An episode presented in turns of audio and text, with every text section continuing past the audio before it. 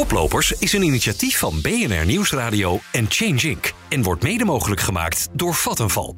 Samen werken we aan een fossielvrij leven binnen één generatie. BNR Nieuwsradio. Koplopers. Donatello Piras en Werner Schouten.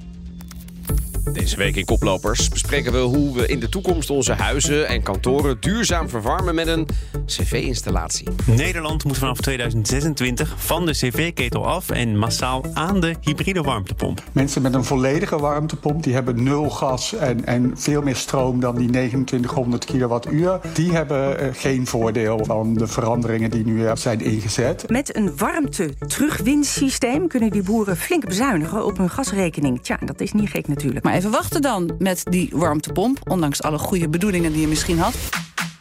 Dit is Koplopers, het programma waarin we met ondernemende wereldverbeteraars sparren over hun duurzame innovaties, gemaakt in samenwerking met Change Inc.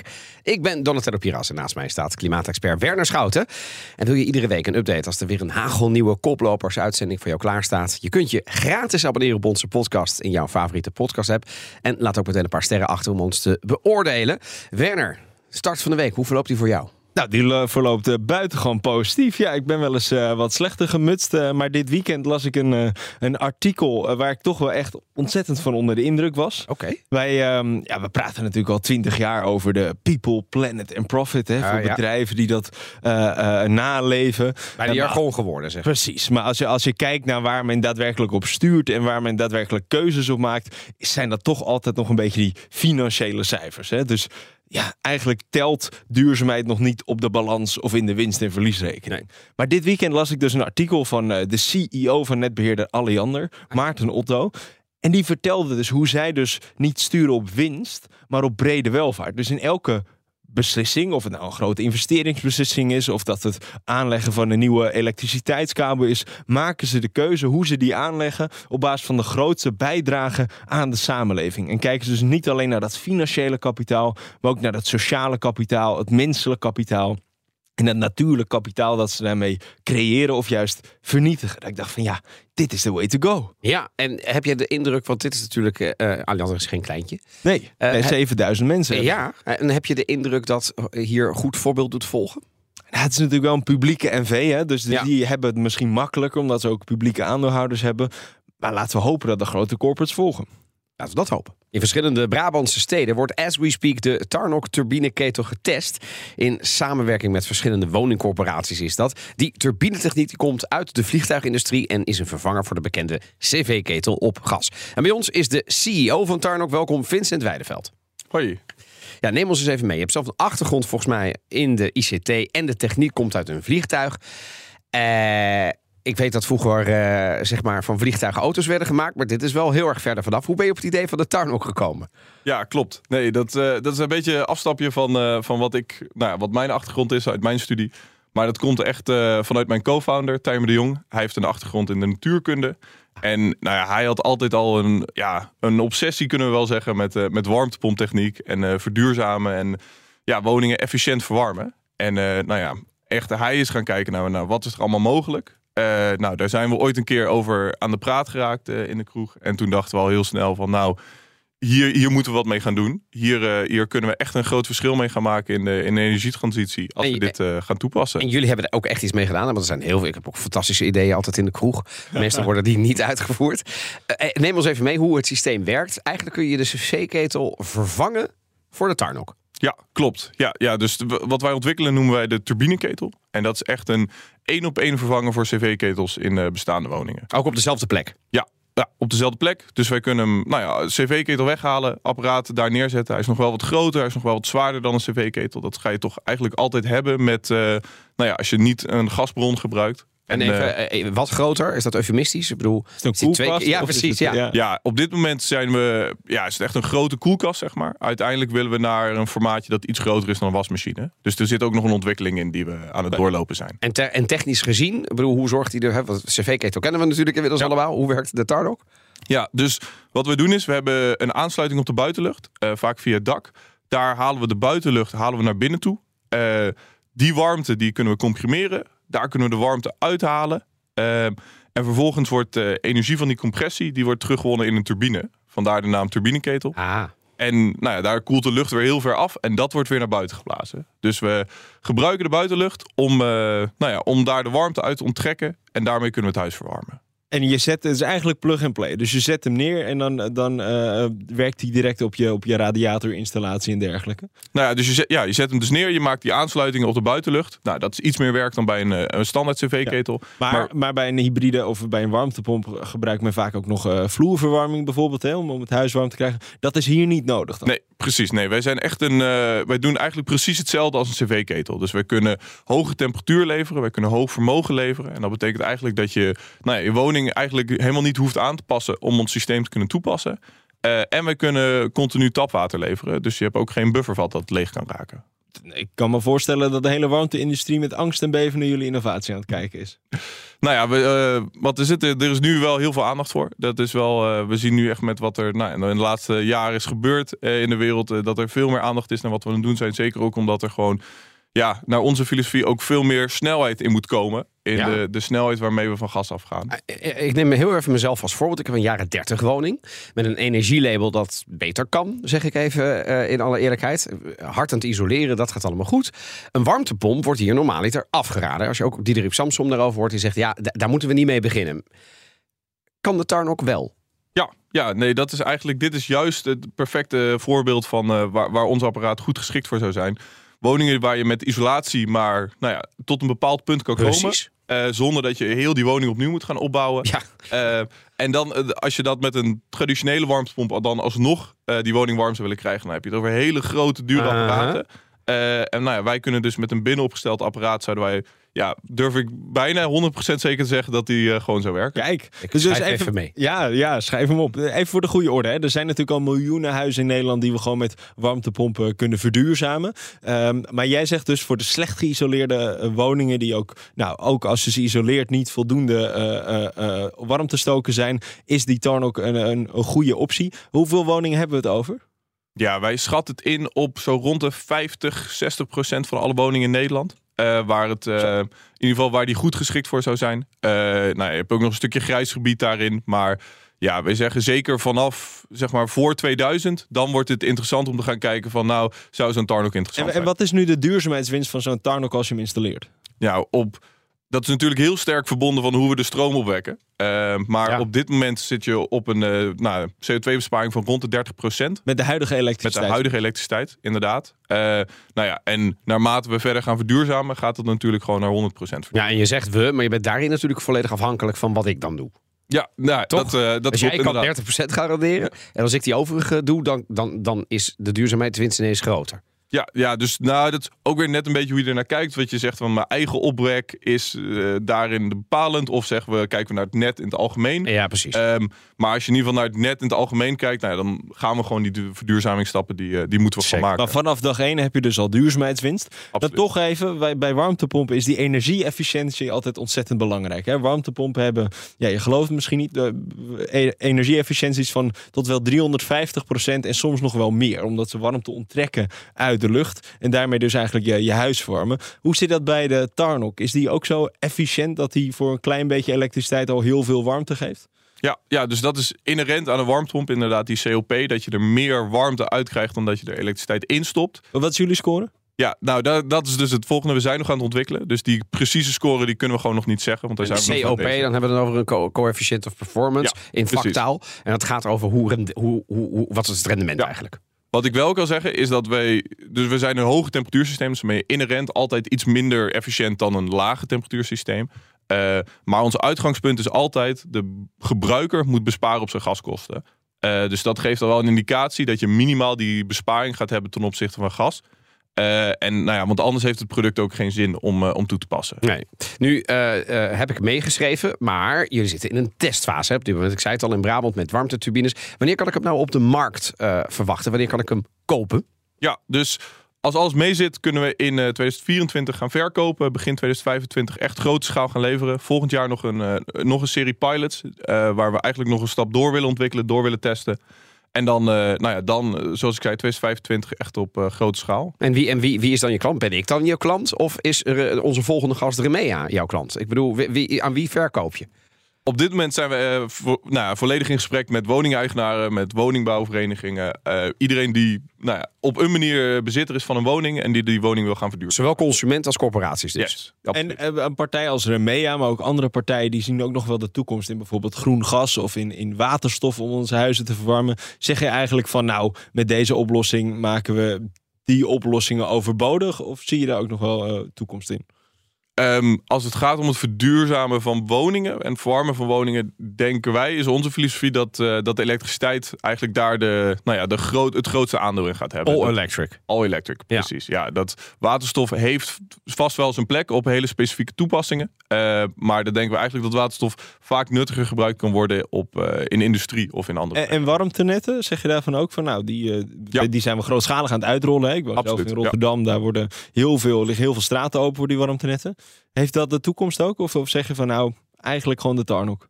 Ja, warmtenetten, als de, als de bron van het warmtenet duurzaam is, dan eh, zijn we ook groot voorstander van warmtenetten. Eh, maar daar hebben vaak de individuele woningeigenaren hebben daar iets minder over te zeggen. Want eh, dat, dat ligt gewoon aan de, nou ja, de grootschalige infrastructuurprojecten die, eh, die daarbij komen. Dankjewel. Vincent Weideveld, hij is de CEO van Tarnok. Dan toch even de afdronk, Werner. Eh, is het inderdaad een mooie nieuwe innovatie, de Tarnok? Ja, het klinkt wel als een geweldig product natuurlijk. Het is super makkelijk. Je hoeft geen vloerinstallatie, te, eh, geen eh, vloerverwarming te installeren. Dat helpt natuurlijk ontzettend als je wil verduurzamen en die cv-ketel eruit wil krijgen. Maar ja, de devil is in de details. Hè. Uiteindelijk, wat gaat die nou kosten? Wat is nou uiteindelijk de, de, de efficiëntie van zo'n product? Ja, en, en wat, wat die gaat kosten vind ik best wel een relevante vraag nu je dit zo zegt. Straks in de podcast ga ik hem dat gewoon even vragen aan Vincent. Wat gaat mij dat nou kosten? Is dat nou veel meer dan bijvoorbeeld een reguliere cv-ketel? En dan gaan we naar onze volgende gast. Die gelooft in businessmodellen, niet in producten, wanneer het aankomt op de warmtetransitie. De consument moet verleid worden om realistisch te verduurzamen, zegt hij. Welkom Rick Bruins, hij is Business Development Manager bij Remea. Dankjewel. Ja, betekent die warmtetransitie voor Remea niet gewoon simpelweg heel veel research en development? Ja, sowieso. Hè? En heel veel research naar wat klanten willen en hoe we klanten kunnen helpen. En ontzettend veel research ook naar nieuwe businessmodellen. Hoe kunnen we nou met die klant in contact komen? Omdat de traditionele wegen, waarbij een klant eh, te kamp heeft met een, met een ketel die, die stuk gaat Ja. of, of stuk is. Of vervangen? Of vervangen moet worden. En nu eigenlijk met hele andere vraagstukken zit. Dat gaat over besparing, over energielabel, over, over subsidies. En daar moeten we goed onderzoek naar doen, naar doen om, om met die klant in contact te Dat blijven. betekent dus ook dat jullie aanbod verandert. Jazeker, absoluut. Niet alleen in producten, maar ook in kennis en communicatie.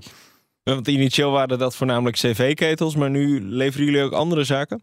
Ja, heel veel warmtepompen natuurlijk nog steeds cv-ketels. Maar daarnaast ontzettend veel warmtepompen, hybride warmtepompen, zonlichtsystemen en dat soort zaken. Zonlichtsystemen? Ja, dat zijn systemen waarbij eigenlijk water verwarmd wordt door de zon. En dat kan je dan weer benutten om, eh, om- om warm tapwater mee te bereiden, om te douchen. Maar gezien jullie diverse productportfolio, zullen jullie het met gejuich hebben ontvangen dat minister Hugo de Jong heeft besloten dat vanaf 2026 de cv-ketels eh, tot de geschiedenisboeken behoren.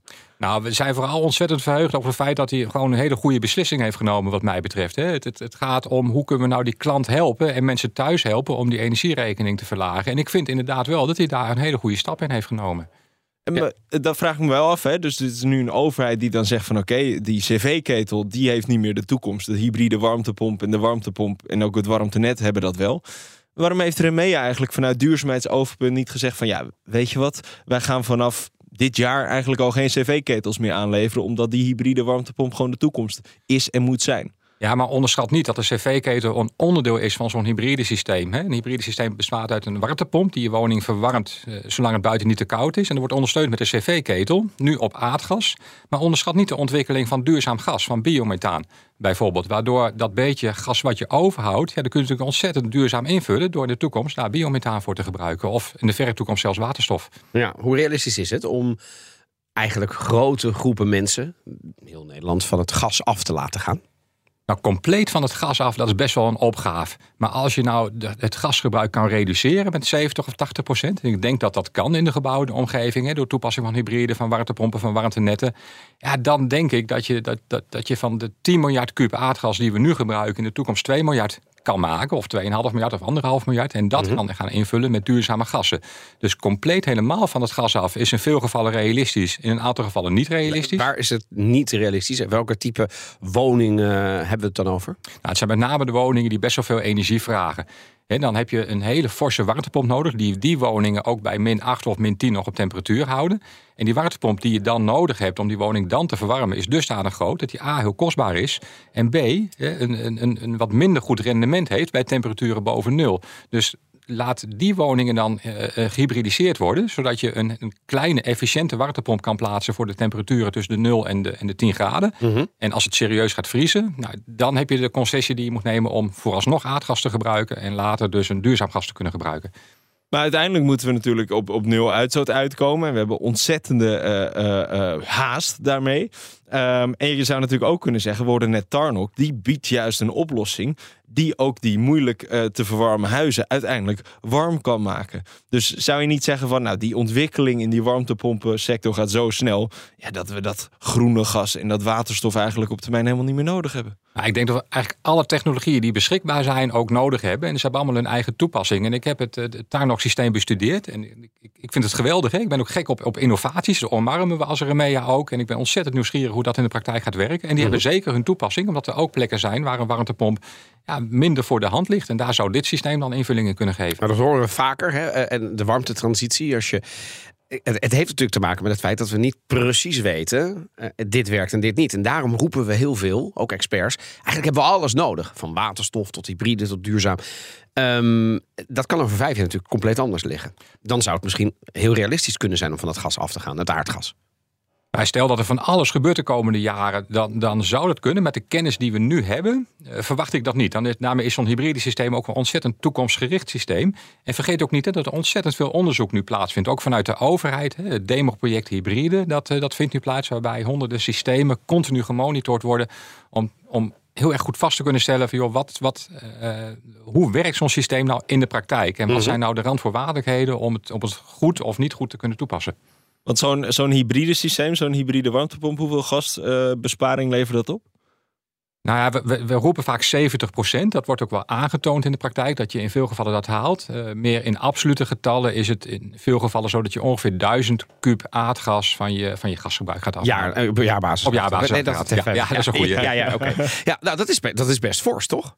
Ja, dat is hartstikke fors. Nee, dat is absoluut significant. En eh, dan, dan zie je ook dat je, nou ja, in, in mijn geval... Soms een derde, soms misschien wel de helft van, eh, van wat mensen verbruiken. Jazeker. Ja. Ja, ja, absoluut. Dus, dus eh, eh, ook op de energierekening. Want, want zo'n warmtepomp is vele malen efficiënter dan de gasketel. Ja, dat scheelt op slok op een borrel. Ook op, eh, op, op je, je maandvoorschot aan je energieleverancier.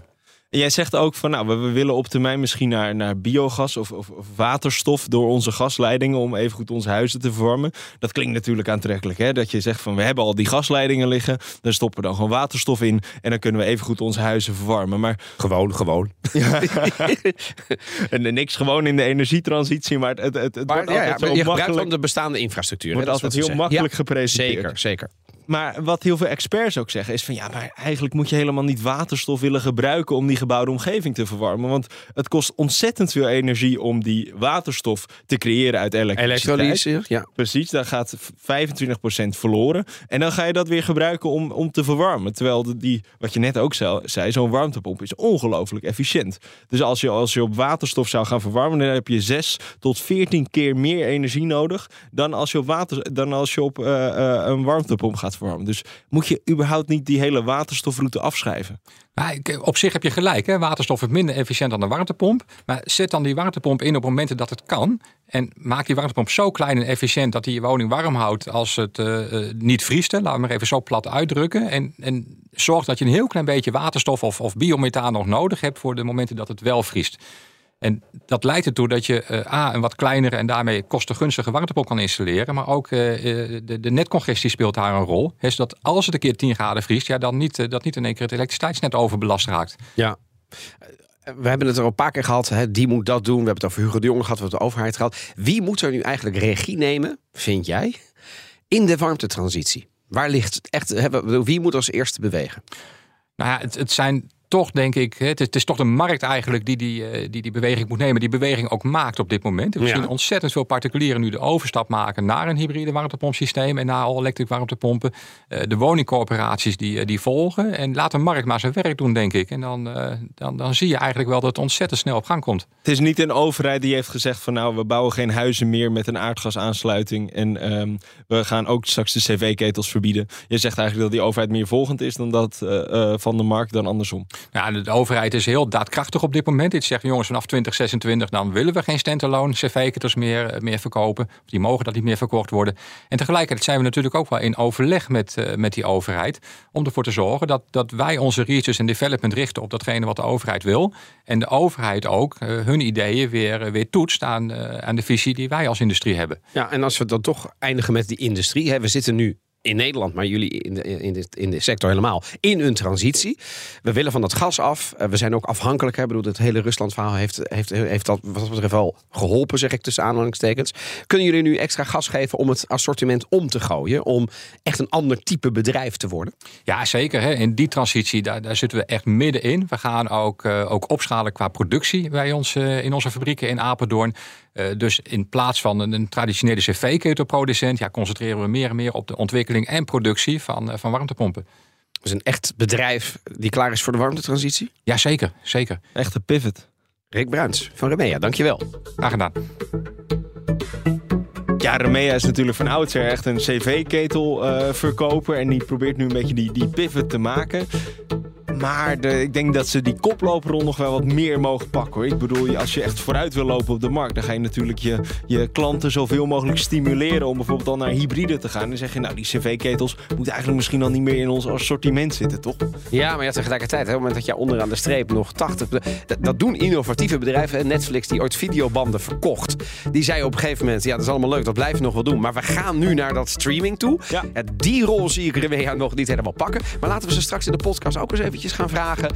of ze inderdaad klaar zijn voor die warmtetransitie. Ja, daar ben ik wel benieuwd. Ja, in dit podcastdeel praten we nog even door over de stelling... in de toekomst verwarmen het merendeel van de huizen met waterstof. Nou, beide heren eh, oneens. Te beginnen met jou, eh, Rick. Eh, jij was er niet mee eens.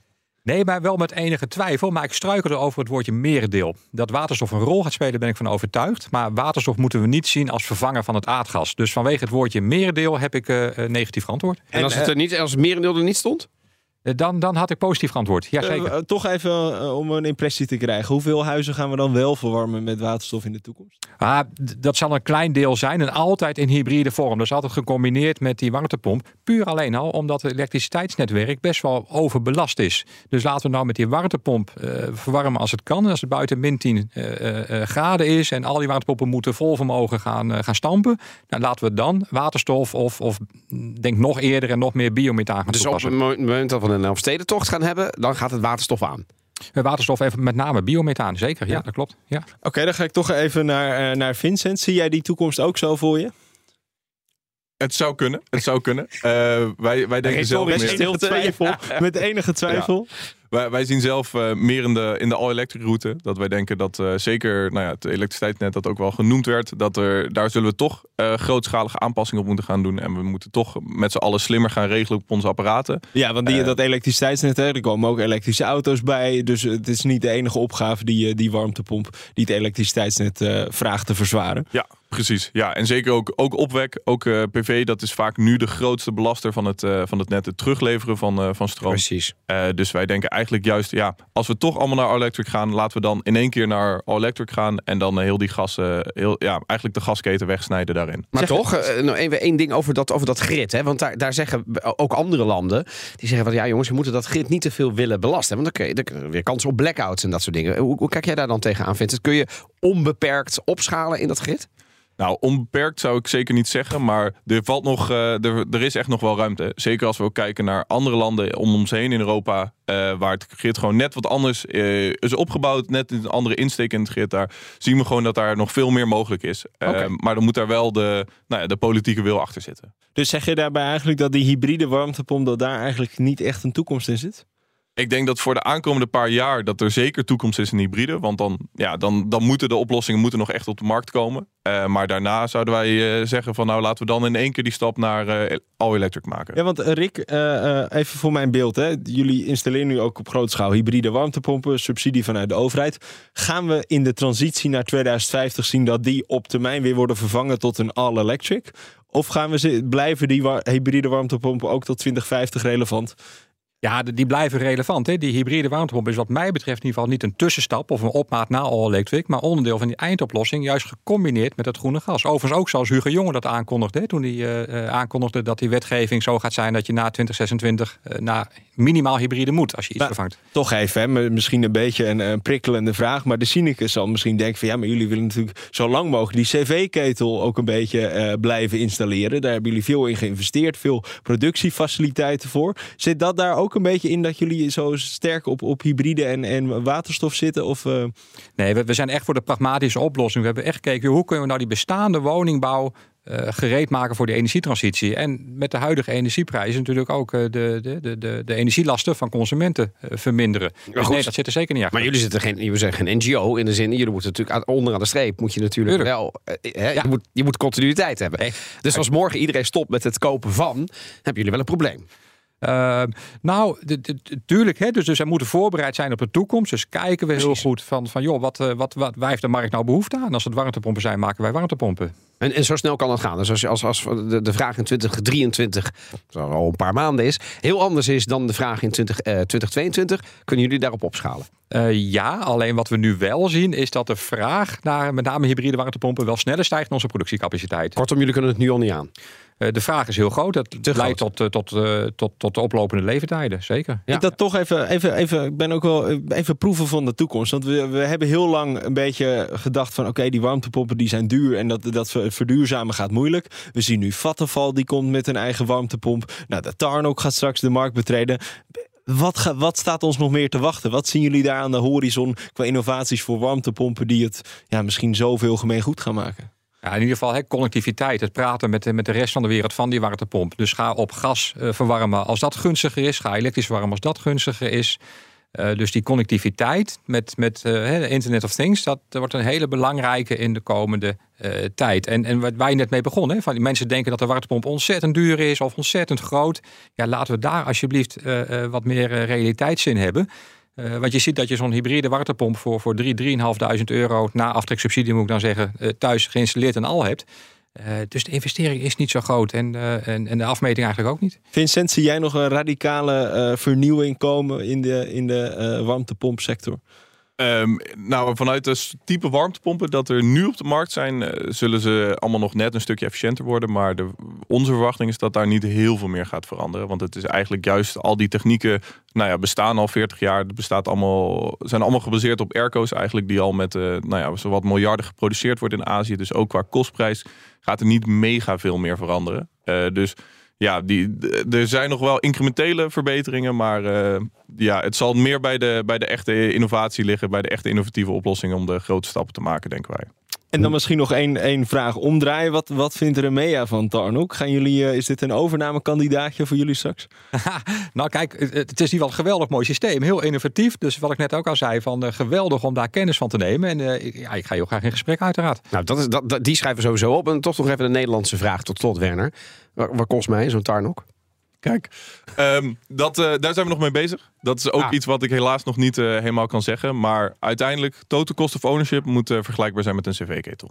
Oh, oké. Okay. Dus ik moet niet zeg maar drie keer zoveel investeren. Nee, maar dat is wel over de levensduur van het apparaat. Dus inclusief gebruikskosten. Dat okay, is dat belangrijk om dat, daarin Dat is wel een eerlijke toevoeging ja. daarbij. Dan was dit de podcast van deze week. We spraken met Rick Bruins, de Business Development Manager bij Remea. En met de CEO van Tarnok, dat is Vincent Weideveld. Ja, uh, wil je nou nog meer podcast-afleveringen van Koplopers luisteren? Dat kan natuurlijk in je favoriete podcast-app of in de onvolprezen BNR-app. En wat wij nou zouden willen, Werner? Nou, vijf warme sterren. vijf warme sterren. Uh, niet alleen voor de warmtetransitie, maar voor de continuïteit van het mooie programma. Graag tot volgende week. Half vier staat er weer een hele verse voor je klaar. Tot de volgende. Koplopers is een initiatief van BNR Nieuwsradio en Change Inc. En wordt mede mogelijk gemaakt door Renewy. Voor een circulaire economie. Want afval bestaat niet.